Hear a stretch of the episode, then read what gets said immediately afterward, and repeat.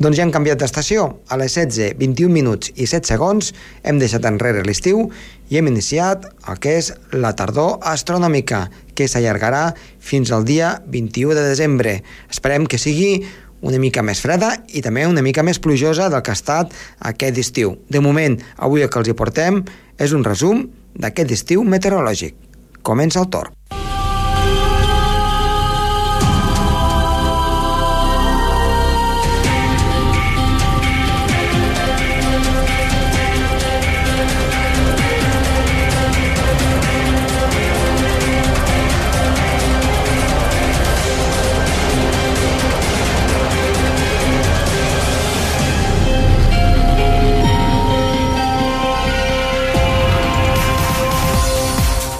Molt bona tarda, moltes gràcies de nou per escoltar-nos per internet, des de qualsevol lloc del món, des del seu transistor o des del seu vehicle.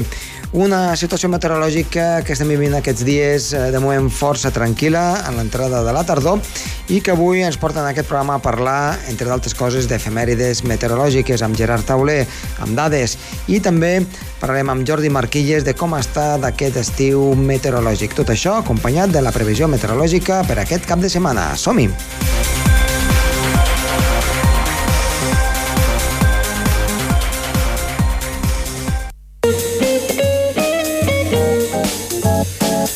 Iniciem el programa amb Gerard Tauler i avui doncs, parlarem de l'onada de calor d'aquest mes de setembre. I és que aquests primers 15 dies, déu nhi com ha apretat la calor. Ara, doncs, afortunadament la cosa ja ha anat de baixa. Gerard, eh, molt bona tarda. Hola, molt bona tarda, Josep Tomàs. A veure, eh, què ens portes avui? L'onada de calor d'aquest mes de setembre, perquè em sembla sí. que hi ha alguns valors d'autèntic rècord. Rècords. Va tenir la temperatura més alta d'Europa allà a Sevilla, a la província, el Clar la Real es va arribar a 46,4. I a Catalunya, en Vinebre, en 41 amb 6, també es va batre el rècord de setembre, 41 amb 6. Uh -huh. I a, a Roquetes, a l'Observatori de l'Ebre es va tenir 41 en 4, que és la segona temperatura més alta des de que hi ha dades, més superada pels 43 graus del 7 de juliol de l'any 1982. Uh -huh déu nhi I escolta'm, aquestes onades de calor al setembre són molt habituals?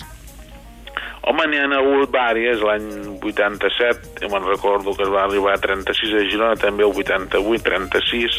A la, a la, a la ciutat de Lleida l'any 88, 1988 es va arribar a 38 en 8, aquest any es va arribar a 37 en 2, vull dir que no és pas la primera ni l'última aquesta onada de calor. Uh -huh. Per tant, són unes dades molt significatives Um, S'han de repetit molt al llarg de, no sé, dels últims anys, aquestes onades de calor al setembre i que tu creus que es poden tornar a repetir en un futur? Sí, es poden tornar a repetir, es donen més o menys cada 3 o 4 anys, sí. Uh -huh. um, és degut a algun efecte o és, està entrant dintre... Normalment és... diuen que després d'un de, de, any amb el Niño, el setembre acostuma a ser càlid. Sí. Uh -huh.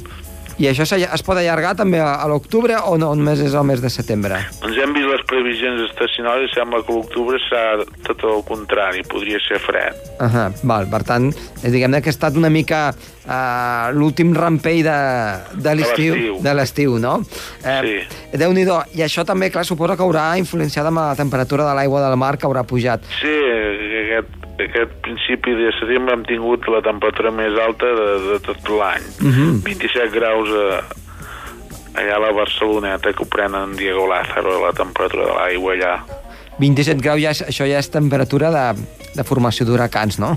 Sí. Pràcticament. Sí, sí, sí, sí, és el llindar inferior, sí. Molt bé, molt bé. Doncs, eh, Gerard, gràcies per aquesta, aquestes notes, aquestes puntualitzacions i t'esperem una propera vegada. Gràcies. Vinga, adéu, Josep Tomàs. Adéu-siau. Adéu, adéu.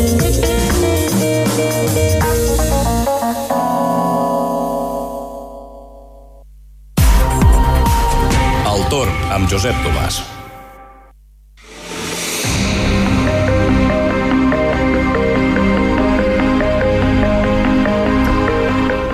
Igual que la temporada passada, aquest any doncs, recuperem el nostre amic i company Jordi Marquilles, observador meteorològic, aficionat a la meteorologia i sobretot que ens explicarà una miqueta eh, doncs, com ha anat aquest, aquest estiu doncs, a nivell eh, de la zona on fa més calor podríem dir, no de la península Ibèrica, però sí, depèn a prop del Principat d'Andorra, que és cap a, la zona, diguem-ne, Vall de l'Ebre i zones, i zones properes, zones, doncs, eh, en general de, podríem dir de, de, de la zona de Lleida, on la calor apreta i, i de valent.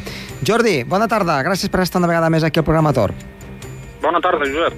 Doncs, eh, a veure, um, anem a començar parlant una mica de, de l'estiu meteorològic, com s'ha comportat, perquè podem dir doncs, que aquí al Pirineu doncs, eh, precipitació no massa i calor al final una mica. No sé què ha estat eh, per aquí baix.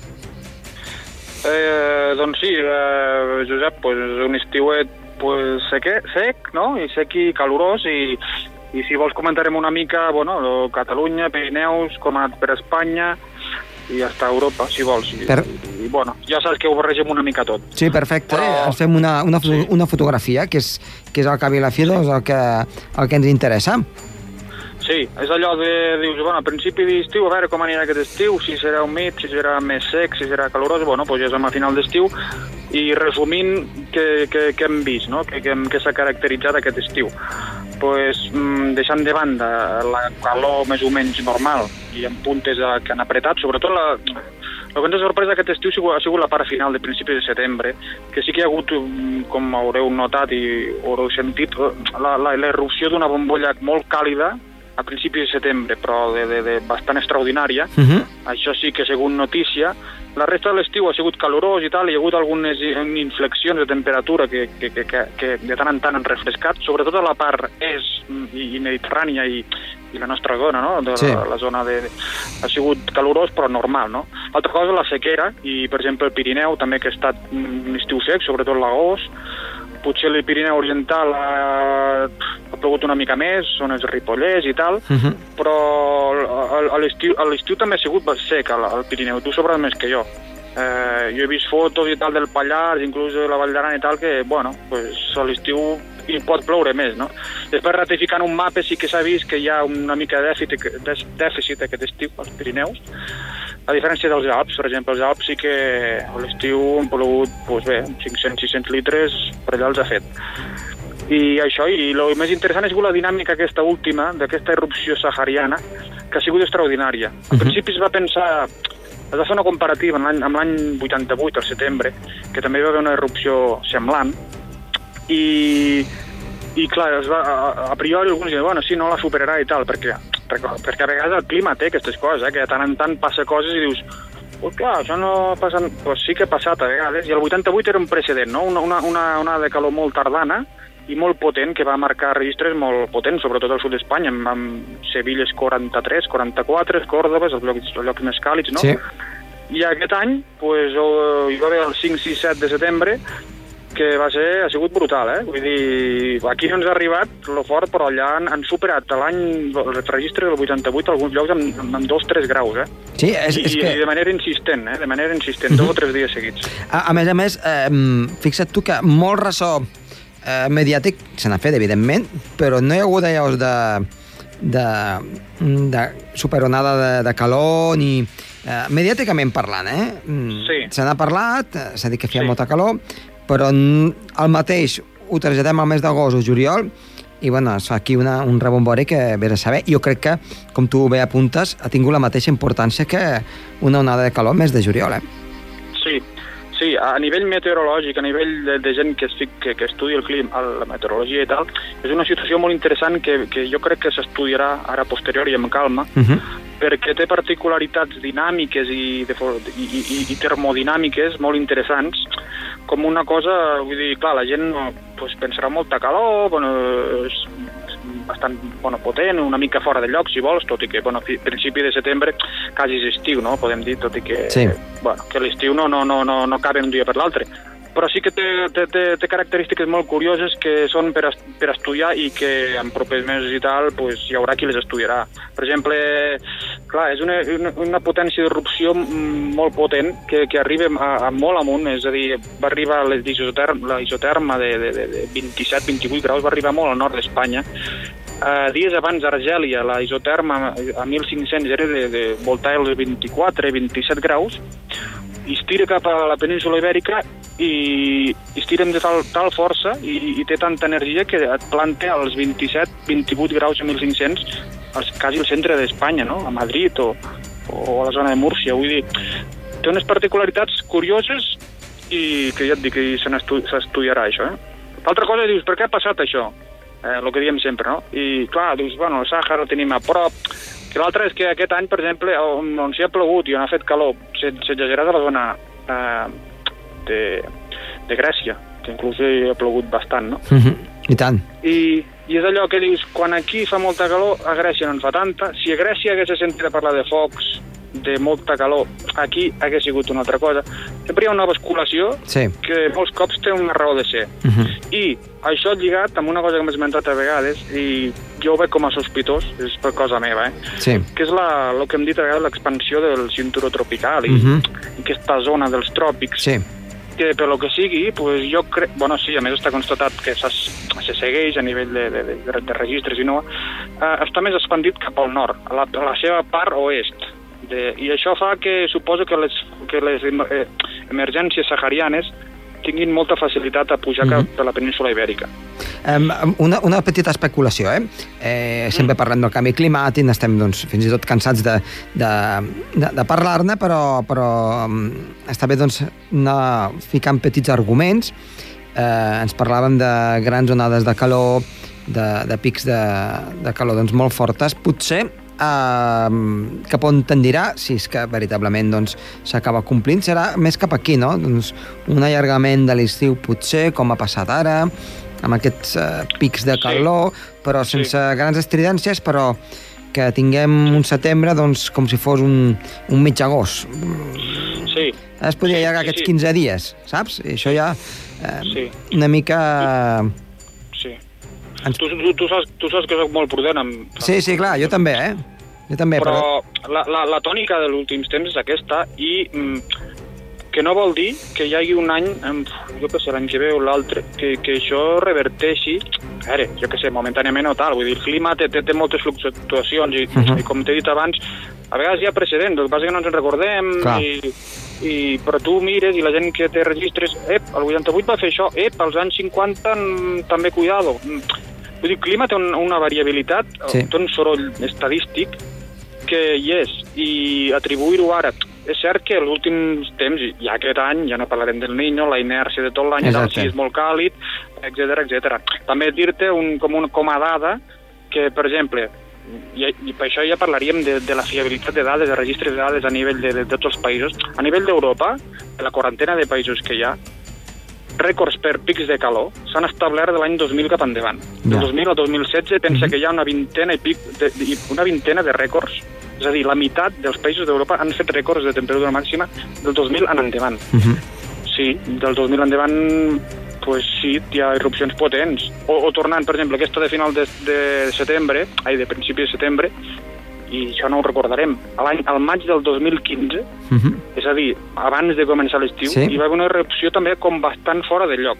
Sí. Que no ho recordem, però, però va pujar una bombolla càlida del Sàhara també, que dius, hosti, això és típic de juliol. Pues sí, ja. I era el maig. El clima, per què fa això? No ho sé. Jo penso que... Bueno, penso, que no, que hi ha aquí uns motors infinits, és el que diem el que diem a vegades. Però l'expansió de, del cinturó tropical i tal, que Mhm. per lo que sigui es dilate o no, pues clar, evidentment té conseqüències. Tot, tot, tot ja saps que el planeta és un, és un, està ple de cinturons Sí. circulatoris, de vents i expansions, saps? Amb les seves nuvolositats i les seves activitats. Bueno, pues té, té com unes dilatacions, uns pulsos, uns, uns, una pulsió que diem, no? Mhm. I, hem, i, i passem per aquí. Mm, bueno, pues la teoria ja saps quina és. Jo, jo, jo, jo sempre he pensat que eh, mirem el clima, doncs eh, estem en un mur i, i fem un foradet i mirem a veure què hi ha a l'altre costat.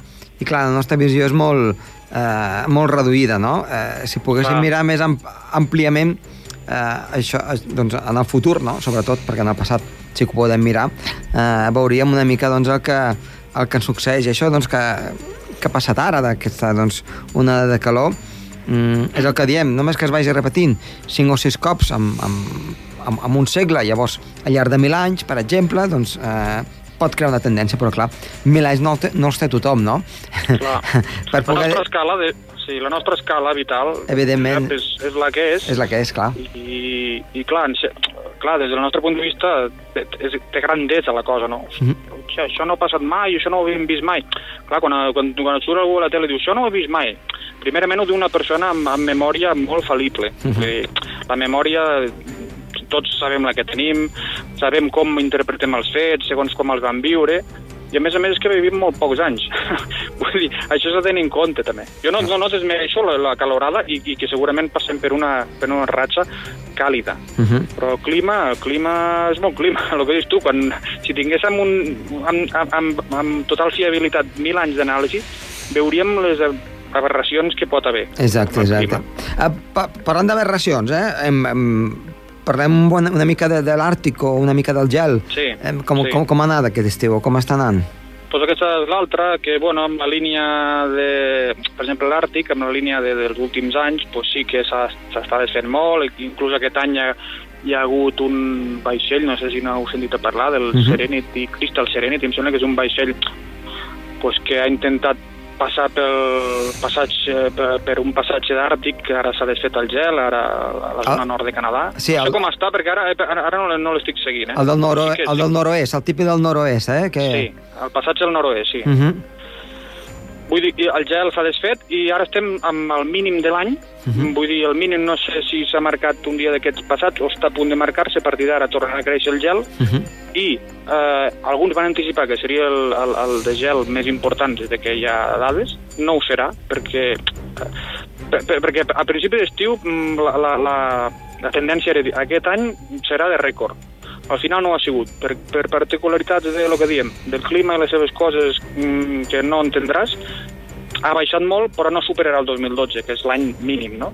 Però, bueno, tot i així ha baixat molt. Sí. I per altra part, Groenlàndia, l'altra part àrtica, la, la illa de Groenlàndia, també hi va haver un gel molt important a principi de temporada, i també alguns van dir, bueno, aquest any tal i qual. Pues, eh, Groenlàndia ha tingut un degel normal, normal dins les, les climatologies dels últims anys, i no és que s'hagi degelat molt, Groenlàndia, aquest any. Uh -huh. Vull dir que, que a vegades les coses a priori ens semblen una cosa i en tres mesos pues, és una altra. Vull dir, i, i, i el clima de, de alta volada, per molt que ara ens sembli que tingui moltes coses clares, alguns, mm, jo penso que no, que no, que, sí, que sí que podem constatar coses, però la cautela és una variable mai a oblidar. I co compta amb previsions i models. Una, una, un altre, un, un model també fal·lible que vaig veure l'altre dia. Bueno, diferents models. L'evolució del cicle solar, Sí. darrer, eh, es va preveure amb una certa activitat i tal. Tu ara mires com ha anat el cicle solar, solar darrer i no s'assembla tant a lo que vam preveure. Clar. Vull dir que sí, que sempre estudiarem i tal i farem projeccions, però la darrera paraula la té, la, la té el que la té, saps? Dir, I, I així estem, anem constatant coses, però, bueno, sempre amb prudència. Doncs molt bé, doncs, eh, Jordi, amb la, la situació com que hem viscut aquí, doncs eh, és una mica doncs, el que tu has dit. Eh, tempestes al Pirineu n'hem tingut ben poques, la veritat, i, i bé, doncs Sí, de sí. calor doncs, moderada i després una mica per sobre del normal han sortit algunes dades en les quals ens, ens, ens parlaven de que hem estat entre mig grau i, i, dos, i dos graus per, per damunt, per tant, eh, Déu-n'hi-do, déu nhi déu Uh, a veure, a veure què ens, què ens depara doncs, uh, la tardor i, sí. i sobretot l'hivern uh, en tornarem a parlar i Jordi, com sempre, t'agraïm que hagis estat aquí amb nosaltres i t'esperem una propera vegada. Doncs molt bé, quedem així, Josep. Molt bé, Fins la gràcies. Fins la propera. Adéu-siau. Adéu, adéu, adéu. El torn amb Josep Tomàs.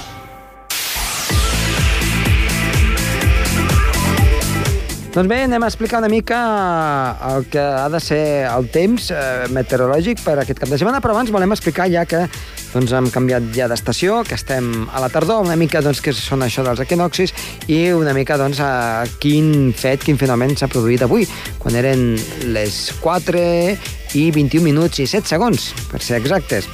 De fet, eh, els equinoxis és en aquell punt en què el Sol està just amb, amb perpendicular, podríem dir amb l'equador, on la llum, els raigs del sol amb l'equador formen un angle de 90 graus. Per tant, si estem en el moment just del migdia a l'equador, veurem que el nostre cos no fa ni una ombra perquè tenim just damunt del cap el sol.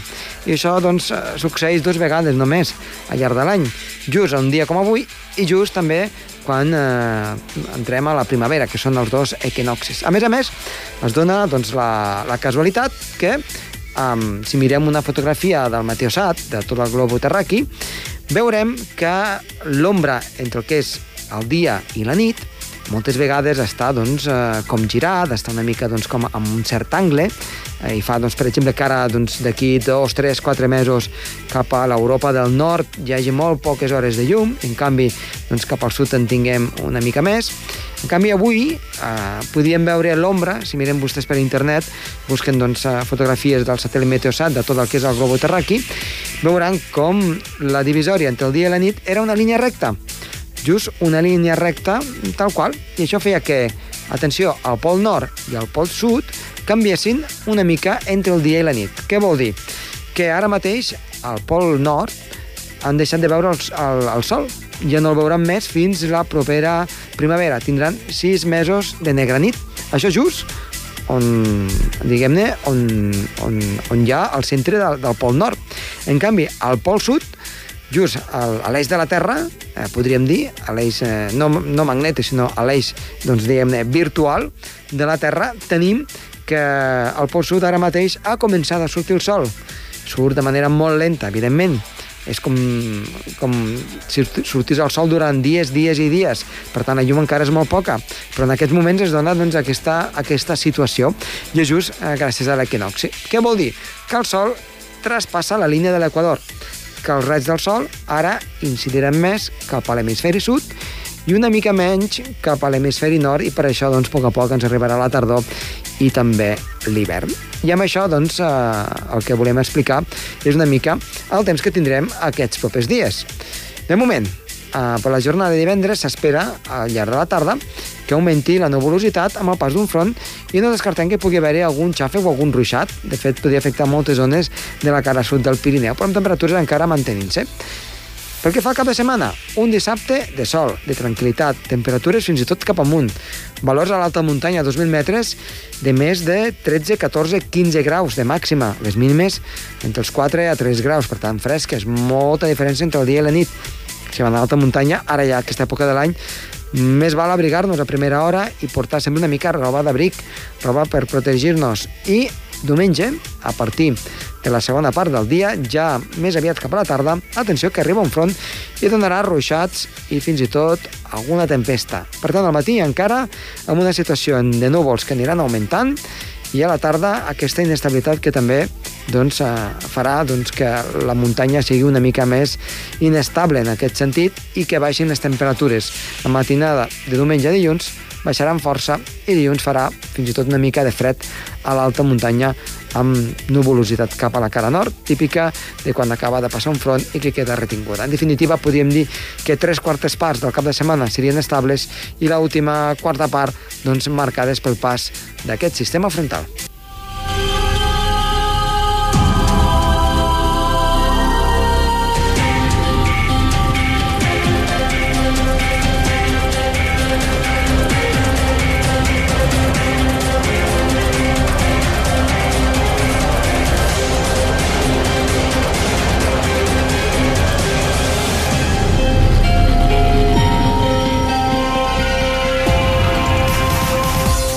Moment això ha estat tot pel dia d'avui. Tornem la setmana vinent. Ha estat a les vies de so Andreu Trastoi i que us ha parlat amb molt de gust Josep Tomàs. Adéu-siau.